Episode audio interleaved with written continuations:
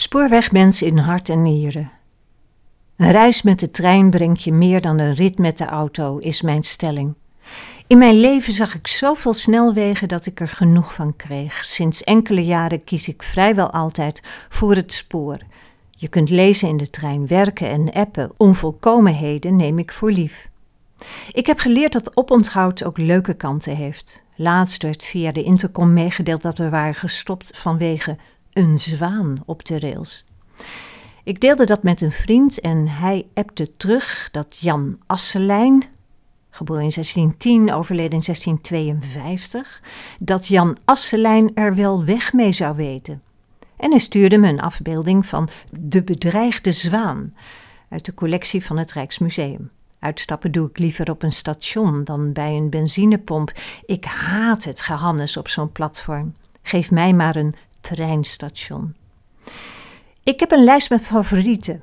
Het hoofdstation in Groningen staat bovenaan vanwege de smeedijzeren lantaarn in de hal en het kunstige beeldhouden plafond, dat vreemd genoeg niet van hout, maar van papier-maché is. Er liggen bovendien herinneringen. Daar stapten we op de trein naar mijn grootouders in Beeldhoven. Als kleuter had ik mijn eigen bruine kartonnen treinkaartje. De conducteur knipte er een gaatje in en bromde: In Amersfoort overstappen. Vlissingen ook een favoriet. Vanwege de gemoedelijke neobarok, de aardige mensen bij de fietsenverhuur en omdat het, ze zijn zo intrigerend, een kopstation is. Of je wilt of niet, je moet eruit. Je kan niet verder. Hengelo. Alles opgetrokken uit beton, inclusief de toren met wijzerplaat.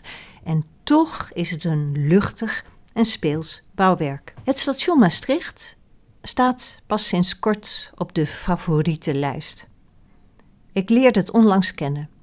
Dat krijg je als je de reis naar het zuiden altijd over de weg maakt. De architect was een man van het spoor, de beminnelijke Georges van Heukelom, geboren in 1870, overleden in 1952. Bij het grote publiek bekend als de ontwerper van de Inktpot, dat massieve gebouw aan het Moreelse Park in Utrecht, gebouwd met 2 miljoen bakstenen en tegenwoordig het hoofdkantoor van ProRail.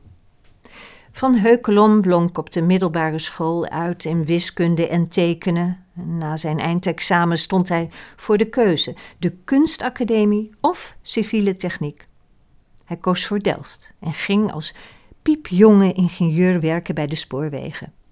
Spoorbruggen en perronoverkappingen maakte hij, razend ingewikkeld.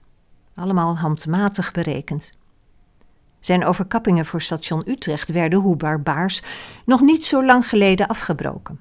Alleen in Den Bosch zijn die overkappingen van hem nog in volle glorie te zien.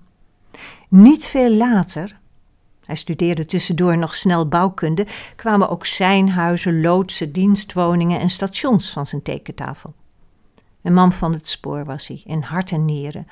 Dat moest je zijn als architect in zijn sector, vond hij. Want als je geen spoorwegmens, met SCH, spoorwegmens was, leverde je rammelende ontwerpen.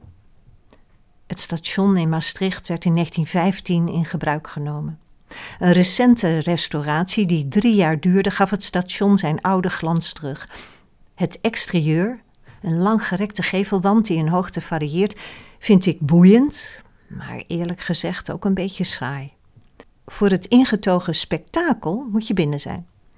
De hoge hal met bogen en galerijen is betoverend, vooral op heldere dagen, als het licht door de langgerekte, gebrandschilderde ramen binnenvalt.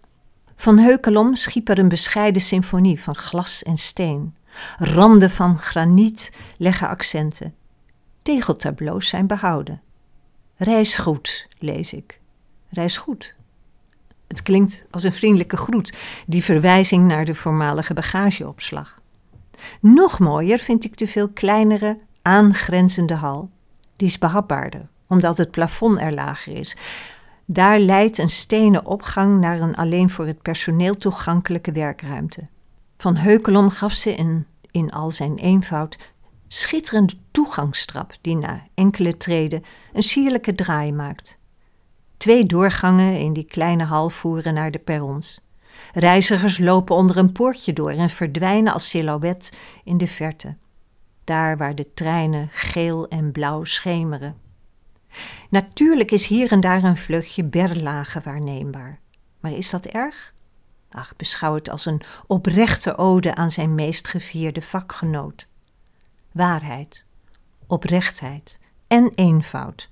Die grondbeginselen paste de architect van station Maastricht in zijn werk overal toe.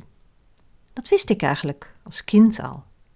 Want als de trein ons naar Beeldhoven had gebracht en ik aan de hand van oma door de groene lanen wandelde, kwamen we ook langs de Woudkapel. Een vreemd kaal kerkje vond ik het. Maar ik weet nu waar ik als kind naar keek. Ik zag George van Heukelom en zijn geniale vakmanschap.